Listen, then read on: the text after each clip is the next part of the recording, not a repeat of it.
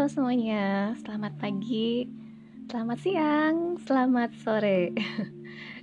Kenapa Ibu menyapa dalam semua eh, waktu? Karena yang mendengarkan ini pasti ada yang mendengarkan di pagi hari, ada yang mendengarkan di siang hari, ada juga yang mendengarkan di sore hari, sesuai dengan uh, waktu perkuliahan uh, kita ya. Jadi materi kali ini Ibu akan menyampaikan mata kuliah terkait dengan psikologi umum perkembangan. Untuk materi ini kita masuk pada materi ketiga ya. Sudah siap Anda semuanya? Oke.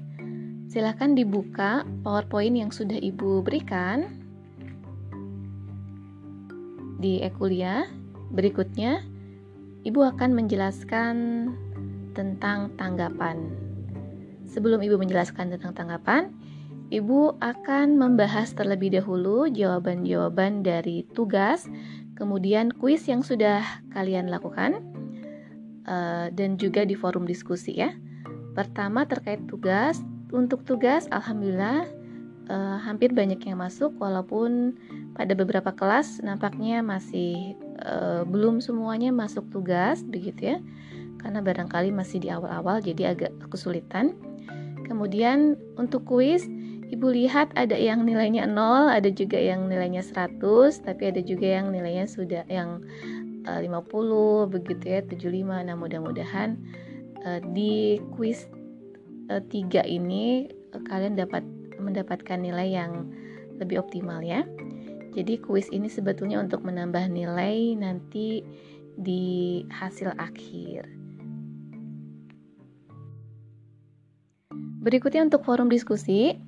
Terima kasih Anda sudah memberikan uh, tanggapan-tanggapannya sebagaimana yang akan kita bahas terkait dengan tanggapan. Tetapi mohon maaf Ibu tidak bisa uh, mereply semua jawaban, namun secara umum Mohon maaf ya, ada suara telepon masuk dari WhatsApp. Oke. Okay. Tadi Ibu uh, menyampaikan terkait dengan mohon maaf karena Ibu tidak bisa membalas semua uh, diskusi forum diskusi yang masuk, tetapi Ibu membaca semuanya dan alhamdulillah uh, yang menjadi uh, masukan ataupun hasil diskusinya Ibu baca semuanya bagus ya. Uh, jadi Ibu hanya mereply beberapa uh, tapi ibu baca semuanya dan itu juga menjadi salah satu bagian dari penilaian. Jadi anda yang tidak memberikan uh, tanggapan ya, tentu uh, ini tidak akan mendapatkan nilai tambahan begitu ya. Oke, okay. terkait dengan kuis, nampaknya ibu perlu uh, sedikit membahas kembali dari materi uh, kemarin ya di pertemuan 2. Kalau untuk di bagian pengamatan sepertinya sudah paham semuanya dan kemudian terkait dengan perhatian Ibu akan coba memberikan sedikit tambahan penjelasan terkait dengan contoh-contoh dari macam-macam perhatian. Oke, e, pertama atas dasar intensitasnya ya ada perhatian intensif dan juga ada perhatian tidak intensif. Perhatian intensif itu bagaimana? Perhatian intensif itu adalah perhatian yang membutuhkan banyaknya kesadaran dalam aktivitas yang sedang dilakukan. Jadi kalau perhatian intensif itu meleng sedikit aja ya, ah udah tuh ke mana-mana, begitu ya. Nah apa contohnya? Misalnya dokter, seorang dokter yang sedang melakukan operasi di ruang operasi. Begitu. Misalnya kita anggap dokter bedah. Bedahnya bedah saraf lagi ya. Sarafnya ada di otak. Wah, ya. Itu udah harus intensif. Tambah yang namanya saraf di otak itu kan sangat eh, apa namanya kecil ya bahkan harus dilihat melalui uh, Microsoft atau kaca pembesar ada kan di uh, di ruang operasi itu kaca pembesar tapi tidak seperti kaca pembesar di sekolah ya uh, alatnya tentu saja berbeda. Nah, dokter yang sedang melakukan operasi meleng sedikit, nah itu bisa atau tangannya misalnya atau ini sedikit itu ya, nah itu kan bisa berpengaruh begitu ya uh, terhadap kondisi pasien begitu. Nah, sehingga pada saat operasi tentu saja membutuhkan perhatian yang intensif. Nah, contoh yang lain misalnya pada saat sholat. Nah, siapa nih yang sholatnya kadang perhatiannya tidak intensif ke mana aja gitu ya. Karena kita yang namanya sholat itu kan seharusnya kita itu fokus. Fokus ke mana? Ya fokus manteng istilahnya ya kalau Sunda itu. Manteng eh, hati kita gitu ya, pikiran, kemudian ucapan itu harus selaras. Karena kalau kita meleng dikit itu sering tuh setan itu luar biasa pada saat sholat. Karena ada setan khusus ya yang mengganggu pada saat sholat. Dari mulai aduh ini teh udah rakaat keberapa? misalnya. Hari tadi udah tahiyat atau belum? misalnya. Dan lain sebagainya. Atau pada saat kita lagi baca tiba-tiba ingat misalnya aduh lupa. Oh iya ya HP itu disimpannya di sini oh uang teh geningan ada di sana oh dan lain sebagainya nah itu memang Eh, bentuk-bentuk gangguan dari setan begitu ya. Nah, tetapi kita perlu pada saat sholat itu memang perhatiannya perlu intensif. Nah, contoh misalnya kisah eh, sahabat Rasul Khalifah yang keempat eh, Ali bin Abi Thalib ya. Jadi eh, saking intensifnya pada saat sholat eh, beliau meminta pada saat terkena panah ya ingat ya terkena panah itu meminta saya ingin sholat begitu. Jadi cabutlah pada saat saya sholat. Dan tidak terasa masya allah ya kenapa? Karena tadi perhatiannya intensif intensif uh, kepikirannya kemudian perasaannya begitu ya kemudian ucapannya itu manteng begitu. Manteng pada Allah tentu saja ingatnya uh, pada Allah begitu. Sehingga ketika dicabut uh, panahnya tidak terasa apa-apa nah itu karena saking intensifnya luar biasa ya Nah, kemudian perhatian tidak intensif. Nah, terkait dengan e, banyaknya sedikitnya berarti kesadaran, kebalikan dari intensif. Contohnya apa? Misalnya kalian lagi e, masak air. Nah, kalau masak air apakah perlu diliatin gitu ya? Enggak kan? Kalau masak air kita simpen aja, kita bisa sambil e, apa namanya? Angkat telepon, kemudian sambil nyuci, angkat jemuran, ngepel misalnya ya. Kemudian sambil kuliah nih bisa kan? Bisa. Nanti begitu uh, udah mateng baru matiin. Nah gitu ya. Itu tidak intensif. Jadi uh, apa namanya? Itu contoh perhatian intensif dan tidak intensif. Nah berikutnya atas dasar cara timbul. Ada perhatian spontan ada perhatian yang disengaja apa maksudnya jadi perhatian ini terkait dengan sebesar apa usaha yang kita uh, buat agar bisa memperoleh atau agar uh, munculnya perhatian tersebut. Misalnya pada saat kita berjalan, saat kita jalan, kemudian tiba-tiba jeger gitu ya. Ah, itu spontan langsung kita melihat, oh ada apa ini? Ah itu spontan ya. Nah jadi spontan itu berarti yang tidak e, cara timbulnya itu e, usahanya tidak ada ya. Kalau spontan itu tidak ada usaha ya jadi ya itu tidak sengaja namanya juga spontan ya. Misalnya contoh yang lain uh, lagi di kelas nih ya kayak pernah itu ada kejadian di kelas itu lucu sekali. Lagi di kelas ibu menerangkan tiba-tiba ada bunyi tut nah, itu juga kan perhatian spontan ya langsung sah iya atau tiba-tiba ada wangi-wangi yang agak-agak menusuk ke hidung begitu ya. Nah, itu bisa jadi perhatian spontan. Atau lagi lagi di luar kemudian uh, ada ribut-ribut ya. Uh, ada ributnya itu misalnya entah itu demo, entah itu tawuran atau ada orang teriak-teriak atau ngasih pengumuman. Nah, itu kan juga perhatian spontan. Nah, adapun yang kebalikannya adalah perhatian yang disengaja. Jadi usahanya itu luar biasa agar bisa diperhatikan oleh orang lain. Nah, contohnya apa? Misalkan anda nanti pada saat menjadi guru itu kan Anda harus bisa menarik perhatian siswa. Nah, itu disengaja dengan apa? Macam-macam kan, misalnya dari pakaian Anda, bisa saja itu menarik perhatian siswa. dari cara Anda uh, bicara, misalnya dari materi, misalnya dari permainan-permainan yang sudah Anda siapkan. Nah, itu juga uh, ada perhatian yang disengaja. Nah, jadi bisa terlihat ya perbedaannya. Baik, yang ketiga terkait dengan luasnya objek yang dikenai perhatian. Ada perhatian terpencar, ada perhatian terpusat. Nah, kalau perhatian terpencar ini e, artinya kita karena di sini terkait dengan luasnya objek ya, jadi terpencar itu kita bisa memperhatikan dalam satu waktu memperhatikan banyak hal. Misalnya apa? Ibu misalnya di dalam kelas ya, ketika ibu menerangkan, ibu akan memperhatikan ya semua semua mahasiswa. Ibu akan melihat semua mahasiswa. Tidak mungkin ibu hanya ngeliatin orang di depan misalnya atau orang yang di belakang. Nah, nanti kalau seperti itu uh, itu nanti jadi terpusat ya.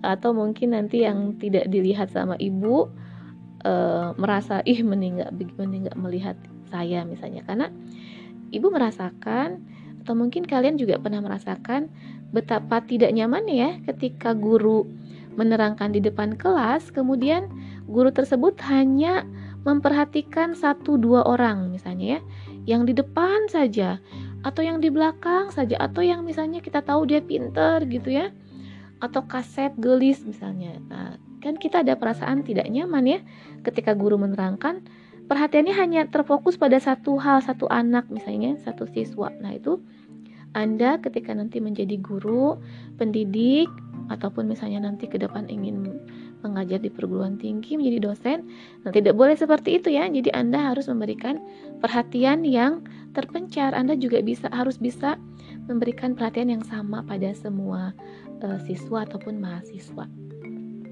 Nah, itu ya itu terpencar. Berikutnya perhatian terpusat. Nah, kalau perhatian terpusat kebalikannya berarti dia hanya memperhatikan satu objek tertentu saja. Misalnya apa? Contoh misalnya nih, Ibu sering ketemu ada mahasiswa gitu ya.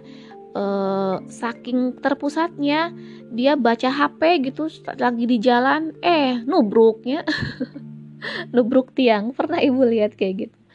Karena dia saking terpusatnya. Jadi yang lain tuh ada apa-apa di luar tuh uh, tidak dianggap entah mungkin sangat penting begitu ya berita di uh, eh, HP itu begitu sehingga dia tidak memperhatikan yang ada di lingkungannya. Nah, itu ya terkait dengan uh, perhatian berdasarkan luasnya objek yang dikenai perhatian. Oke, paham ya? Nah, berikutnya kita masuk pada materi kita yang ketiga yaitu tanggapan. Jadi, pada saat Anda mendapati suatu objek, begitu ya, objek itu kemudian Anda uh, memberikan, memusatkan perhatian, kemudian muncul pengamatan. Nah, dari pengamatan itu, berikutnya adalah Anda umumnya dapat memberikan tanggapan, gitu ya. Jadi, setelah memberikan perhatian, kemudian pengamatan, maka berikutnya adalah tanggapan. Nah, tanggapan ini apa? Tanggapan adalah hasil pengamatan atau dalam hal ini respon terhadap pengamatan. Jadi pada saat Anda melihat sesuatu objek, bisa objek itu benda mati atau benda hidup. Misalnya, Anda ketemu sama uh, di jalan ketemu sama orang ya, lewat. Nah, orang itu menarik perhatian Anda sehingga Anda amati. Nah, kemudian pada saat Anda amati, Anda kemudian mengatakan, "Ih, bagus banget bajunya." Ah, ya. Itu adalah bentuk tanggapan. Nah, dari situ kita bisa melihat bahwa tanggapan adalah bayangan atau kesan yang tinggal dalam ingatan setelah kita melakukan pengamatan. Paham ya? Nah, jadi eh diskusi yang kita lakukan di minggu lalu itu juga adalah hasil eh, respon Anda, respon Anda terhadap pengamatan. Walaupun pengamatannya melalui apa? Melalui eh, materi ya, tapi itu juga bentuk tanggapan, begitu ya. Nah, pada saat orang menanggapi, setiap orang itu kan unik ya. Mereka punya kekhasan. Mereka punya preference eh, apa namanya? Preference itu apa ya? Preference itu adalah latar belakang cara berpikir ya. Ada yang berpikirnya itu didasari atas eh, misalnya pemahaman agama, ada yang didasari atas apa namanya? eh emosi ya ada juga yang begitu dan lain sebagainya. Nah, sehingga ini akan memunculkan tanggapan yang pasti beragam dan terkait dengan ini juga pasti akan memunculkan perbedaan persepsi ya. Nah, jadi tanggapan ini juga erat kaitannya dengan persepsi begitu ya. Nah, jadi ketika individu mempersepsi, maka itu terjadi karena kita sebagai manusia itu punya banyak pengalaman yang mungkin saja berbeda sehingga kita bisa mempersepsi berbeda juga begitu ya. Dan organisasi persepsi ini akhirnya akan menyusun sebuah pola pengamatan yang menetap dalam diri kita. Begitu ya. Nah, jadi seseorang itu pasti dia akan memiliki pola pengamatan berdasarkan apa? Berdasarkan pengalaman tadi ya dan juga organisasi persepsi dalam dirinya. Nanti Ibu akan berikan contoh di bagian berikutnya ya. Nah, ada pola-pola pengamatan yang sudah merupakan hasil dari organisasi persepsi yang sebetulnya eh, apa namanya sudah dimaklumi bersama. Nah, ya, ada empat hal. Pertama, ada ketetapan warna. Nah, ini semua tidak akan ada perbedaan persepsi ya, harusnya, walaupun sering kali e, berbeda juga ketika e, ditanya ini warna apa? Ada yang bilang misalnya ini biru. Enggak ini mah ungu. E, enggak ini e, hijau. Ah, tapi aneh ya kalau dari biru ungu ke hijau. Tapi umumnya kadang orang e, salah persepsi ya melihat warna biru dengan ini agak keungu-unguan gitu. Tapi umumnya harusnya terkait warna ini sudah memiliki ketetapan ya. Jadi kalau kita bilang kuning ya sudah pasti kuning itu warnanya seperti ini, merah, putih begitu sudah jelas begitu. Jadi uh, terkait dengan warna itu sudah ada kesepahaman bersama. Berikutnya terkait dengan bentuk juga sama ya bentuk. Kita sudah paham semua pasti kalau misalnya yang e, bentuk misalnya segitiga ini seperti ini, lingkaran, begitu ya. Kemudian e, bujur sangkar dan lain sebagainya. Kemudian ukuran, ukuran misalnya besar, kecil gitu ya. Nah, itu juga e, kita juga bisa e, memperoleh beberapa pola pengamatan terkait dengan ukuran. Atau ukuran lain misalnya yang sudah pasti misalnya ukuran baju ya. Ada yang S, ada yang uh, apa namanya M itu L XL ada yang XS gitu ya. XS itu apa? Sangat sereg. Gitu ya. Nah itu terkait dengan ukuran. Kan ada juga sepatu itu kan sama di mana-mana ukuran tuh ya. Tapi bu kadang ada juga sepatu yang ukurannya 37 tapi kecilnya lah ada yang begitu walaupun umumnya sebetulnya uh, ukuran itu sama ya di apalagi kalau misalnya di uh, dunia ya walaupun nanti ukuran dunia itu ada juga ukuran euro, ukuran US gitu kan. Nah, kita harus coba perhatikan dia ukurannya berdasarkan negara mana gitu ya. Nah, kemudian juga ketetapan letak. Nah, ketetapan letak juga itu semua sudah bisa difahami. Misalnya di atas, nah kita pasti akan melihatnya kan ke atas, nggak mungkin ke bawah ya, karena itu sudah disepakati bersama. Kemudian di bawah, di samping, di kiri, di kanan, depan, belakang. Nah, itu juga sudah ada ketetapan ya. Semua sudah memahami bersama. Jadi kalau dikatakan samping kanan ya pasti melihatnya ke kanan. Kecuali Anda ada masalah orientasi ruang ya. Nah, seperti itu terkait dengan pola pengamatan yang tetap. Begitu. Nah, berikutnya yang namanya persepsi atau organisasi persepsi, kadang kita sering salah menafsirkan objek ya. Kadang kita melihatnya, wah ini misalnya kita ngelihat eh, kadang nih ya, ibu nih ibu yang ibu yang ibu rasakan nih pada saat ibu sholat eh, melihat kan ke bawah ya ke sejadah. Tapi eh, kadang ibu suka apa ya tiba-tiba melihat sejadah itu jadi objek yang loh kok asalnya bunga jadi kayak jadi kayak binatang gitu ya? Atau jadi kayak bentuk apa gitu? Nah itu adalah organisasi persepsi yang kita sering kali salah menafsirkan objek ya. Itu namanya disebut ilusi ya. Jadi pada saat kita melihat satu objek kemudian objek tersebut kita bayangkan dengan hal yang lain. Nah itu ilusi. Begitu. Nah, contoh selain yang tadi e, misalnya pada saat kita melihat e, rel kereta api. Nah ya rel kereta api itu kan sejajar. Nah pada saat kita lihat dari kejauhan seolah-olah rel itu mengecil dan ketemu di ujung. Begitu padahal sebetulnya tidak mengecil ya. Sama aja tapi karena keterbatasan penglihatan kita jangkauan li, apa penglihatan kita maka kita melihatnya itu seperti mengecil nah itu namanya ilusi ya nah ibu akan berikan e, dua contoh gambar terkait dengan ilusi, ilusi optik, ilusi penglihatan. Yang pertama, nah ya yang pertama, kira-kira kalian melihat uh, ada siapa saja tuh di sini ya di gambar yang pertama ini. Coba, ya, kira-kira melihat apa nih? Hmm, ada yang bilang, oh ini uh, seorang gadis ya, katanya, gadis cantik. Dari mana gadis cantik? Nah itu kelihatan di situ ada e, bulu matanya gitu ya.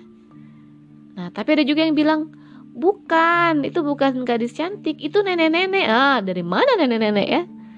Nah, bisa juga ini jadi nenek-nenek. Kok bisa nenek-nenek? Ya ini e, misalnya kalungnya ini seperti mulut ya.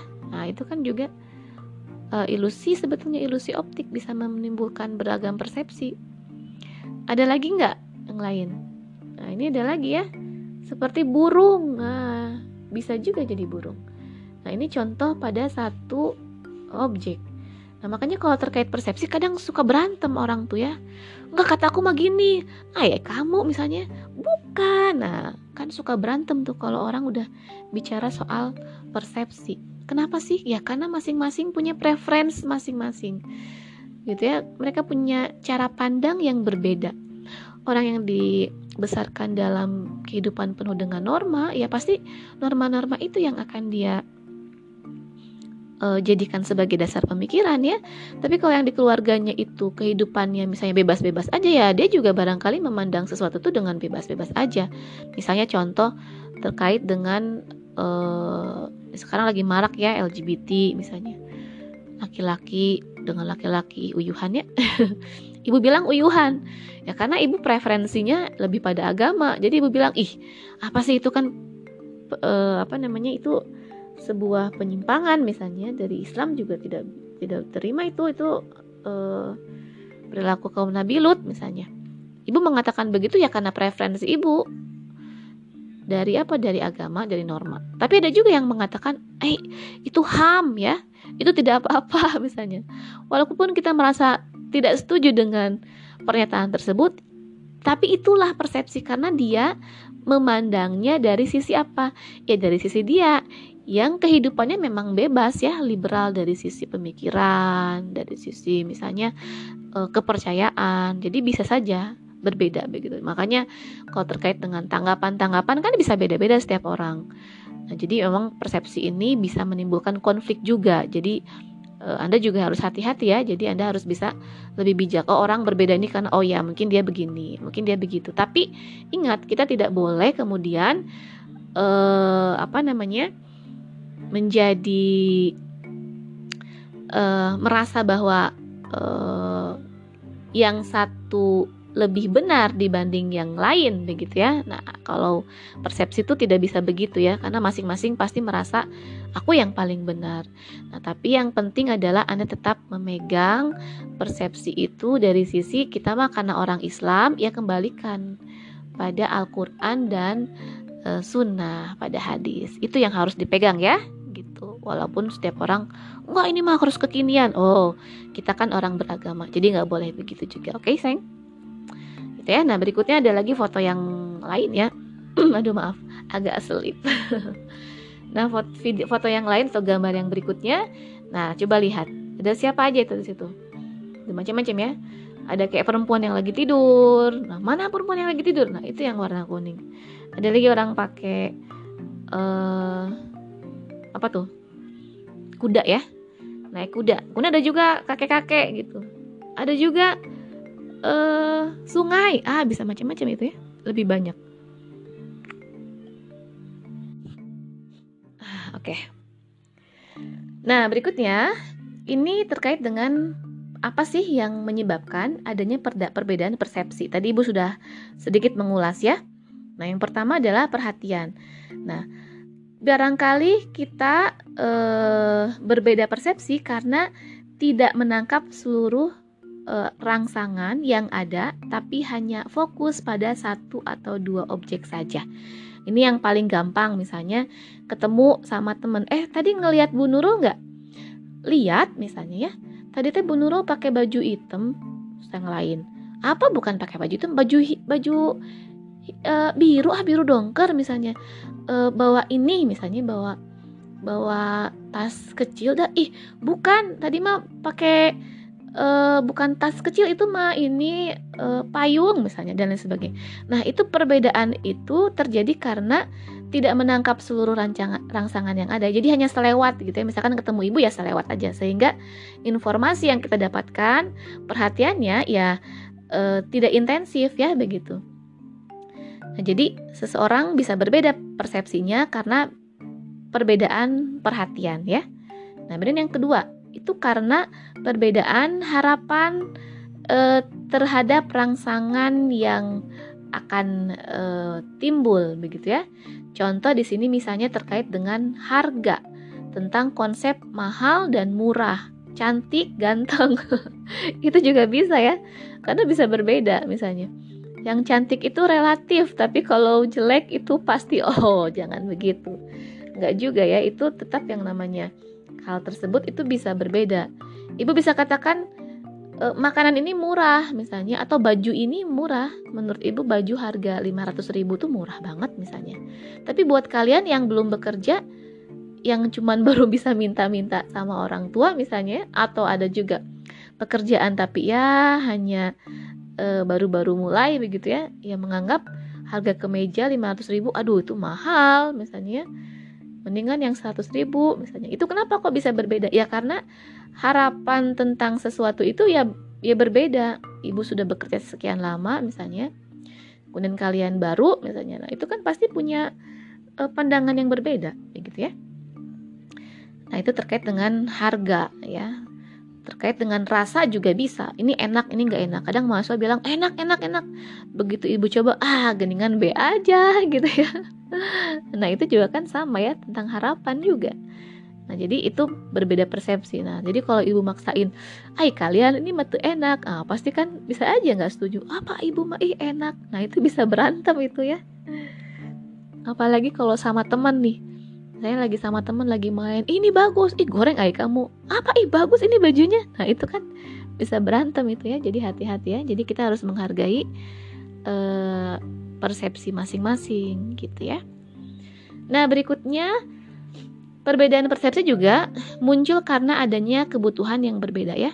Kebutuhan itu ada yang sifatnya sesaat ada juga yang menetap. Ada orang yang mengatakan ah saya mah pengen mobil misalnya ya. Ada lagi yang bilang ih gila dia mah meni berfoya-foya beli mobil ya aku mah sepeda aja belum punya. Nah itu kan sebetulnya uh, itu terkait dengan kebutuhan. Kita tidak bisa seperti itu karena setiap orang kan punya kebutuhan yang berbeda dan punya kemampuan yang berbeda ya.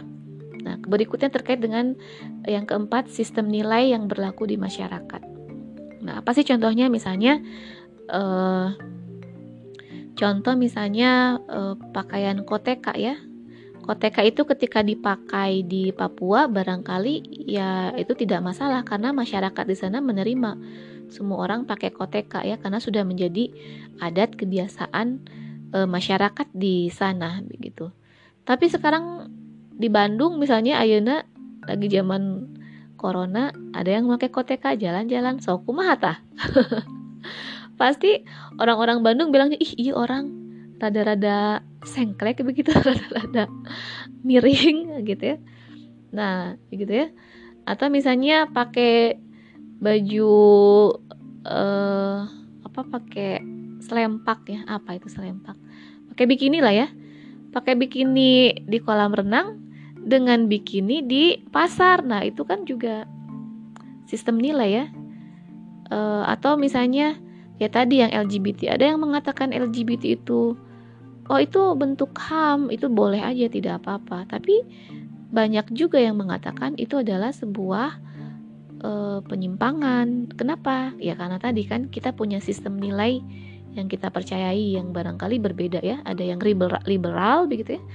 Ada juga yang ya kita memegang prinsip-prinsip uh, akidah, ahlak, tauhid begitu ya. Nah, itu kan sistem nilai gitu. Nah, berikutnya yang terakhir adalah ciri kepribadian. Ciri kepribadian juga itu akan mempengaruhi persepsi. Misalnya, ada orang yang dia itu pemalu, nggak pede, begitu ya. Dan kebalikannya ada juga yang pede. Sehingga bisa mempersepsi teman yang lain, dosen misalnya, ketemu sama ibu, ih ibu mah uh, galak misalnya. Ada kan bisa aja yang mempersepsi begitu. Ada juga yang mempersepsinya apa ada ibu mah bager deh perasaan ya gitu ya. Ya memang ibu sih baik. nah, itu terjadi perbedaan itu karena terkait ciri kepribadian ya yang mengatakan galak misalnya karena merasa tidak pernah digalakin seumur hidupnya misalnya ibu keras dikit misalnya oh si ibu galak ah, gitu ya tapi ada lagi yang mengatakan enggak itu bukan galak itu mah. Nah, itu kan perbedaan itu terjadi karena apa? Ciri kepribadian yang berbeda ya. Oke. Semoga paham sampai di sini ya. E, materi kali ini agak cukup e, panjang ya, sehingga ini juga e, kalian mendengarkannya juga agak e, lumayan lebih lama dibanding sebelumnya. Ini sudah 30 menit lebih begitu. Oke, boleh di pause dulu ya, boleh sambil minum dulu, mau sambil uh, menikmati santapan siang, sore, pagi gitu ya. Kebetulan di depan ibu belum ada, baru ada minum saja. Ibu minum dulu ya, karena ngomong seperti ini lumayan juga ya. Jadi kebayang kalau jadi penyiar radio, uh, kan dia harus selalu bicara ya Nah, itu pasti capek tuh ya. Pasti haus. Kabayang kalau lagi bulan puasa ya. Nah, jadi ternyata lumayan juga tuh jadi penyiar tuh ya. Ternyata kirain gampang. Aripek teh ya uh, ya seperti inilah. Oke. Okay? Ibu minum dulu sebentar ya. Alhamdulillah. Nah, berikutnya kita bahas tentang ingatan. Nah, ya, jadi ini masih uh, terkait dengan uh, gejala umum perilaku ya. Tadi kemarin sudah eh minggu lalu sudah tentang uh, pengamatan, perhatian, tanggapan, berikutnya ingatan. Apa sih ingatan itu? Ingatan itu adalah pengalaman masa lampau yang tersimpan. Nah, itu ingatan. Jadi uh, bukan hanya terkait pengalaman uh, hidup ya, tapi pengalaman dalam konteks pelajaran itu juga kan sebetulnya e, masa lampau begitu ya. Dua jam tadi atau lima menit barusan ya itu sudah masa lampau sebetulnya. Kalau tersimpan kalau Anda simpan, kemudian Anda bisa mengulang kembali, mengeluarkan atau menimbulkan kembali apa yang sudah pernah dialami atau apa yang tadi disampaikan oleh ibu, itu namanya mengingat ya. Jadi eh, apa namanya mengingat itu adalah mampu menyimpan. Menyimpan di mana? Ya di dalam di kepala ya. Di file di kepala itu kan ada kayak file-file folder-folder begitu ya. Nah kemudian bukan hanya menyimpan tapi dia bisa mengeluarkan ya. Jadi ketika yang diminta tuh misalnya ibu tadi tanya apa itu perhatian? Apa sih pengertian perhatian? Nah, kalau kalian simpan dengan benar, kalian bisa langsung mengatakan bahwa oh, perhatian itu adalah nah, ya, kesadaran yang bla bla bla bla. Nah, itu berarti dia bisa menimbulkan kembali. Berarti itu mengingat. Tapi kalau misalnya hanya menyimpan, nah itu beda ya. Nanti bahasan berikutnya. Berarti kalau dia hanya menyimpan, nggak bisa men mengeluarkan itu namanya apa? Lupa, begitu ya. Nah, ingatan ini adalah kemampuan dalam memasukkan, menyimpan, dan juga mengeluarkan. Apa? Ya bisa informasi, bisa pengalaman, begitu ya. Bisa perasaan yang kapan? Ya masa lalu tentu saja, karena namanya juga ingatan. Begitu ya. Nah, jadi ingatan ini uh, ingatan juga ada dua ya, ada ingatan jangka panjang atau long term memory, ada ingatan jangka pendek atau short term memory. Ada lagi ingatan yang lain? Ingatan jangka imah? Enggak ya itu Maya. Maaf ya ibu nggak garing. Ameh rada seri atuh. Seri atunya. Biar ada rame sedikit. Oke ya, itu tentang ingatan. Nah, jadi jangan sampai kalian misalnya jadi kayak kalau diberikan informasi itu jadi kayak boro-boro masuk mental duluan. Nah jangan sampai begitu ya. Kan ada yang udah mental duluan ada juga yang masuk eh tapi keluar lagi. Nggak boleh ya tapi harus masuk dan disimpan. Begitu. Bagaimana cara menyimpannya biar tetap ingat? Nah ini tugas ya buat kalian. Bagaimana agar bisa uh, mengingat sesuatu dengan uh, waktu yang lama. Begitu ya. Atau agar tidak mudah lupa. Nah, itu tugas berikutnya, oke? Okay? Nah, itu tentang ingatan. Berikutnya tentang lupa. Tadi ya, apa sih lupa itu? Nah, jadi lupa itu bisa saja karena misalnya eh, yang tadi ya, yang tadi lupa itu adalah terjadinya pada saat dia menyimpan tetapi e, tidak diorganisasi dengan baik di kepalanya sehingga dia sulit untuk mengeluarkan. Itu lupa. Beda lupa dengan tidak tahu ya. Beda. Kalau kalau tidak tahu berarti ya tidak pernah mendapatkan informasi itu. Tapi kalau lupa dia pernah mendapatkan informasi itu tapi dia sulit untuk mengeluarkan. Misalnya kayak lagi mau ngomong sesuatu ya tentang lagu aduh itu teh lagu ini gini namanya aduh apa sih? Sambil peremnya nah itu mengingat. Itu karena apa terjadinya? Ya itu karena lupa. Beda dengan kamu tahu nggak lagu ini? Apa ya? Nggak tahu atau ini. Nah itu berarti kan kalau tidak tahu berarti ya memang belum pernah ada informasi terkait dengan itu ya. Nah jadi anda jangan sok tahu. Jadi jangan misalnya ketika ditanya sama teman atau sama dosen kalau anda nggak tahu ya bilang aja saya tidak tahu. Misalnya belum baca dibanding Anda aina ngocoblak pura-pura tahu padahal salah misalnya. Nah, makanya harus banyak baca, oke? Okay? Nah, satu, lupa itu adalah apa yang dipelajari itu disimpan di bagian tertentu di otak karena nggak pernah dipakai, jadi lama-lama metabolisme dalam otak itu e, tidak bisa diingat. Nah, sehingga terjadi lupa. Coba misalnya pelajaran SMP pohon faktor misalnya atau ya SMA lah yang kalian kemarin persamaan kuadrat. Inget tuh misalnya nah kan kalau kita nggak pernah pakai nggak diulang-ulang kan lupa. Begitu. Sama juga hafalan Quran nih ya. Hafalan Quran kalau cuma dipelajarinya dulu bu saya teh hafiz bu hafiz uh, hafiz berapa juz uh, juz 30 misalnya. Ya tanah lumayan ya. Kapan? Pas SD misalnya. Ayeuna kumaha? Aduh hari lap deui tah eta berarti ka, apa namanya tidak ada metabolisme begitu ya. Tidak ada metabolisme di otak tuh maksudnya apa? Tidak mengingat-ingat kembali atau tidak murojaah gitu ya. Nah jadi wae hilap. Nah itu yang pertama. Yang kedua lupa itu adalah bisa juga karena materi yang diingat itu ada perubahan ya. Bisa penghalusan bisa penegasan eh, apa namanya mengingat yang mencolok misalnya. Bisa juga mirip. Nah kan misalnya kita belajar eh, misalnya bahasa Arab deh ya. Nah buat yang pemula seperti ibu ibu kan bukan dari pesantren. Jadi ibu nggak belajar bahasa Arab misalnya awal-awal belajar bahasa Arab cuman anak antum. Nah itu kan ibu uh, inget-inget aja ya anak saya antum anda kamu.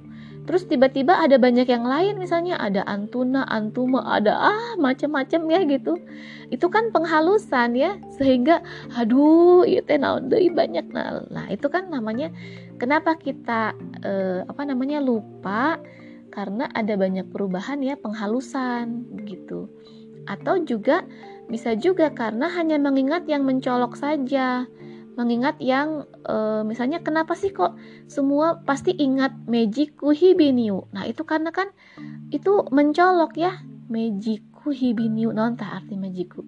Meji merah, jingga, kuning, hijau, biru, ni apa ya biru nila ungu ah gitu ya itu kok bisa kita nggak lupa ya kok bisa ingat? Misalnya itu karena kita mengingat yang mencolok. Yang lainnya hafal tuh. Rumus-rumus yang lain oh walau alam. Atau mungkin ah dada itu mah sudah masa lalu cina bu. Nah jadi yang diingat tuh hanya yang mencolok. Atau bisa juga karena mirip karena mirip sehingga kita kadang suka lupa. Contoh ini sangat banyak terjadi pada orang-orang yang penghafal Quran. Dalam Quran itu kan ada banyak ayat-ayat yang diulang ya nah itu kan jadi pada saat uh, murojaah misalnya eh malah ke surat yang lain gitu itu bisa saja karena mirip Nah, berikutnya yang ketiga, lupa juga terjadi bisa jadi karena mempelajari hal baru tapi yang lama jadinya lupa. Jadi eh, apa namanya? Sekarang ingat nih materi tentang eh, ingatan apa misalnya. Tapi bagi ibu, ibu tanya, apa sih pengamatan? Apa itu perhatian? Eh, pohodeinya. Nah, kenapa? Karena eh, ada informasi baru, ada ada materi-materi baru. Jadi yang lama dilupakan. Nah, tidak boleh ya, tidak boleh begitu harusnya ya. Harusnya ya yang lama juga tetap bisa diingat begitu.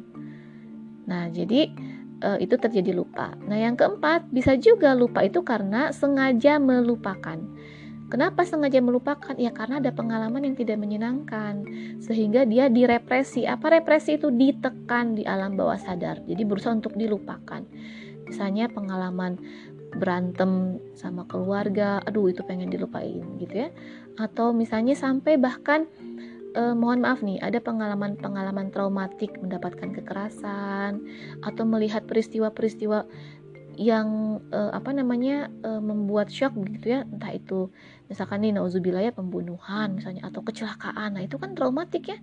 Atau bencana alam gitu ya, itu kan traumatik kita melihat teman kita misalnya eh, meninggal pada saat bencana alam. Nah, itu kan pengalaman yang traumatik sehingga e, ingin dilupakan. Nah, begitu jadi itu kalau itu berarti disengaja gitu ya.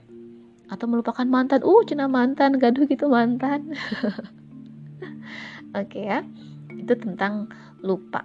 Berikutnya tentang stimulus. Nah, stimulus itu adalah uh, rangsangan begitu ya.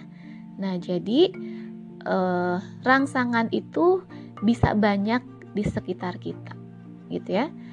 Uh, hanya saja rangsangan itu bisa ada di daerah yang, nah ini lihat ya di sini ya, kan bisa lihat di sini ada yang warna merah, ada yang warna biru, ada yang warna hitam. Satu, dua, tiga ya. Coba dilihat di situ. Nah, yang paling dalam warna bukan merah ketang ini mah warna oranye ya. Nah, yang paling dalam itu adalah daerah yang tidak disadari begitu ya dan tidak diamati begitu. Kemudian yang kedua yang warna e, biru itu adalah daerah peralihan. Jadi agak samar-samar disadari e, tapi juga tidak terlalu diamati ya. Nah, berikutnya ada lagi yang terakhir, yang ketiga, yang hitam ini. Nah, ini adalah pusat kesadaran atau disadari sepenuhnya. Nah, jadi kita itu sebetulnya memiliki daerah-daerah ini. Jadi rangsangan ini bisa muncul dari pusat kesadaran, bisa dari peralihan, bisa dari yang tidak disadari ini ya. Nah, misalnya contoh belajar nih atau sama-sama kita sedang mendengarkan penjelasan dari ibu. Nah, ada yang orang itu pada saat mendengarkan penjelasan dari ibu, dia misalnya e, menulis ya, menuliskan di catatan, kemudian dikasih warna, diberi misalnya di bold misalnya, kemudian dibuat gambarnya. Nah, itu artinya Anda sedang berada pada pusat kesadaran. Jadi perilaku Anda itu disadari sepenuhnya. Begitu ya. Nah, lalu ada lagi mahasiswa yang pada saat sedang mendengarkan ini misalnya sambil menulis tapi sambil makan gitu ya. Kemudian sambil eh, apa? telepon misalnya sehingga kadang lupa atau bingung eh tadi penjelasannya apa ya barusan teh agak kelupaan dikit nah itu berarti Anda ada di daerah peralihan samar-samar karena anda kadang mengamati, kadang menyadari, kadang juga tidak menyadari. Jadi samar-samar. Kenapa? Karena Anda sedang melakukan aktivitas yang lain juga. Jadi terpecah perhatiannya atau terpencar begitu ya. Nah, beda dengan yang tadi. Yang pertama itu dia betul-betul tidak melakukan aktivitas yang lain tapi mendengarkan penjelasan ibu. Nah, itu yang kedua. Nah, yang ketiga ada lagi orang yang sedang mendengarkan ini tapi misalkan dia tidur. ujuk-ujuk bangun ah udah habis? Nah, itu benar-benar tidak disadari ya. Atau misalnya lagi mendengarkan tiba-tiba begitu lihat makanan di samping eh kok udah habis lagi? Dimakan siapa ini? Air kenapa udah jadi kosong? Siapa ini yang makan? Siapa ini yang minum? Nah, itu nggak sadar. Kalau kita makan saking enak atau saking ngapainnya ya mungkin sambil ngalamun gitu ya. Nah itu jadinya perilakunya tidak disadari begitu. Jadi kita bingung tadi tengah ngapain ya? Nah jadi bisa saja dalam belajar itu muncul tiga kondisi tadi begitu ya. Nah berikutnya yang namanya stimulus disadari itu sering kali terbatas pada kekuatan yang eh, ada istilahnya kekuatan yang tidak melebihi ambang absolut atas dan ambang absolut bawah. Maksudnya apa sih, Bu? Maksudnya kita ini memiliki keterbatasan. Walaupun kita bisa melihat, tapi kita tidak bisa melihat semuanya ya. Ada keterbatasan. Mendengar juga kita tidak bisa mendengar semuanya. Begitu. Maksudnya bagaimana? Misalnya, kita bisa melihat, tetapi kan kita tidak bisa di depan kita kita bisa melihat ada kursi misalnya atau ada kasur, ada meja, ada baju dan segala macam. Tetapi apakah kita bisa melihat di samping kanan kita, kiri kita di belakang atau ada jin misalnya? Oh, jadi serem langsung merinding ini. Nah, itu kan kita nggak bisa melihat ya karena Allah memberikan keterbatasan pada kita, begitu ya.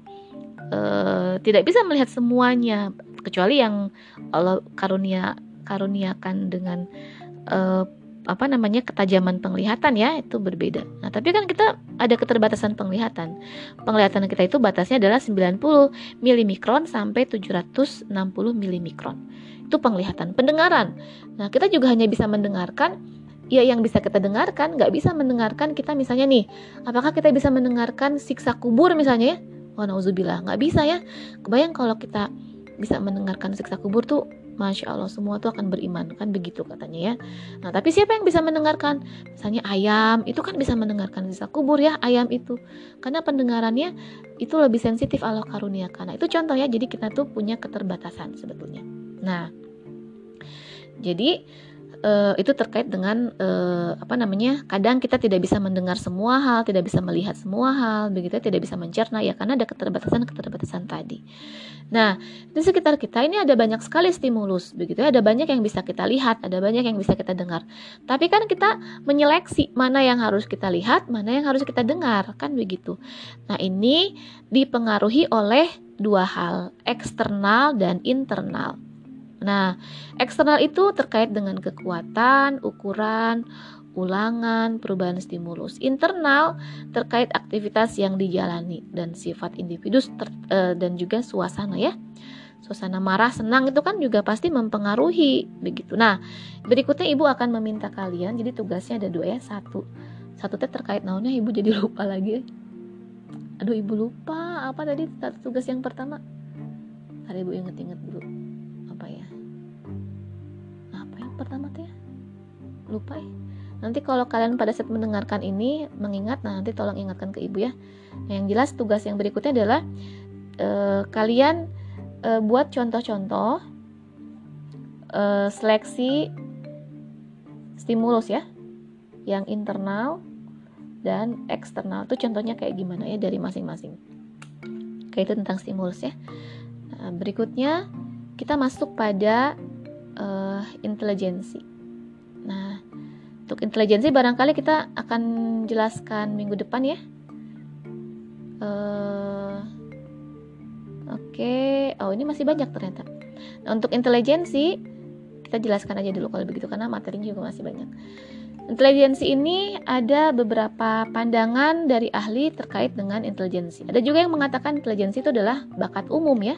Bakat dalam arti ini bukan bakat oh dia bakat menyanyi, bakat uh, apa namanya bermain musik, bakat menari bukan itu ya, tapi bakat terkait dengan kemampuan akademik begitu.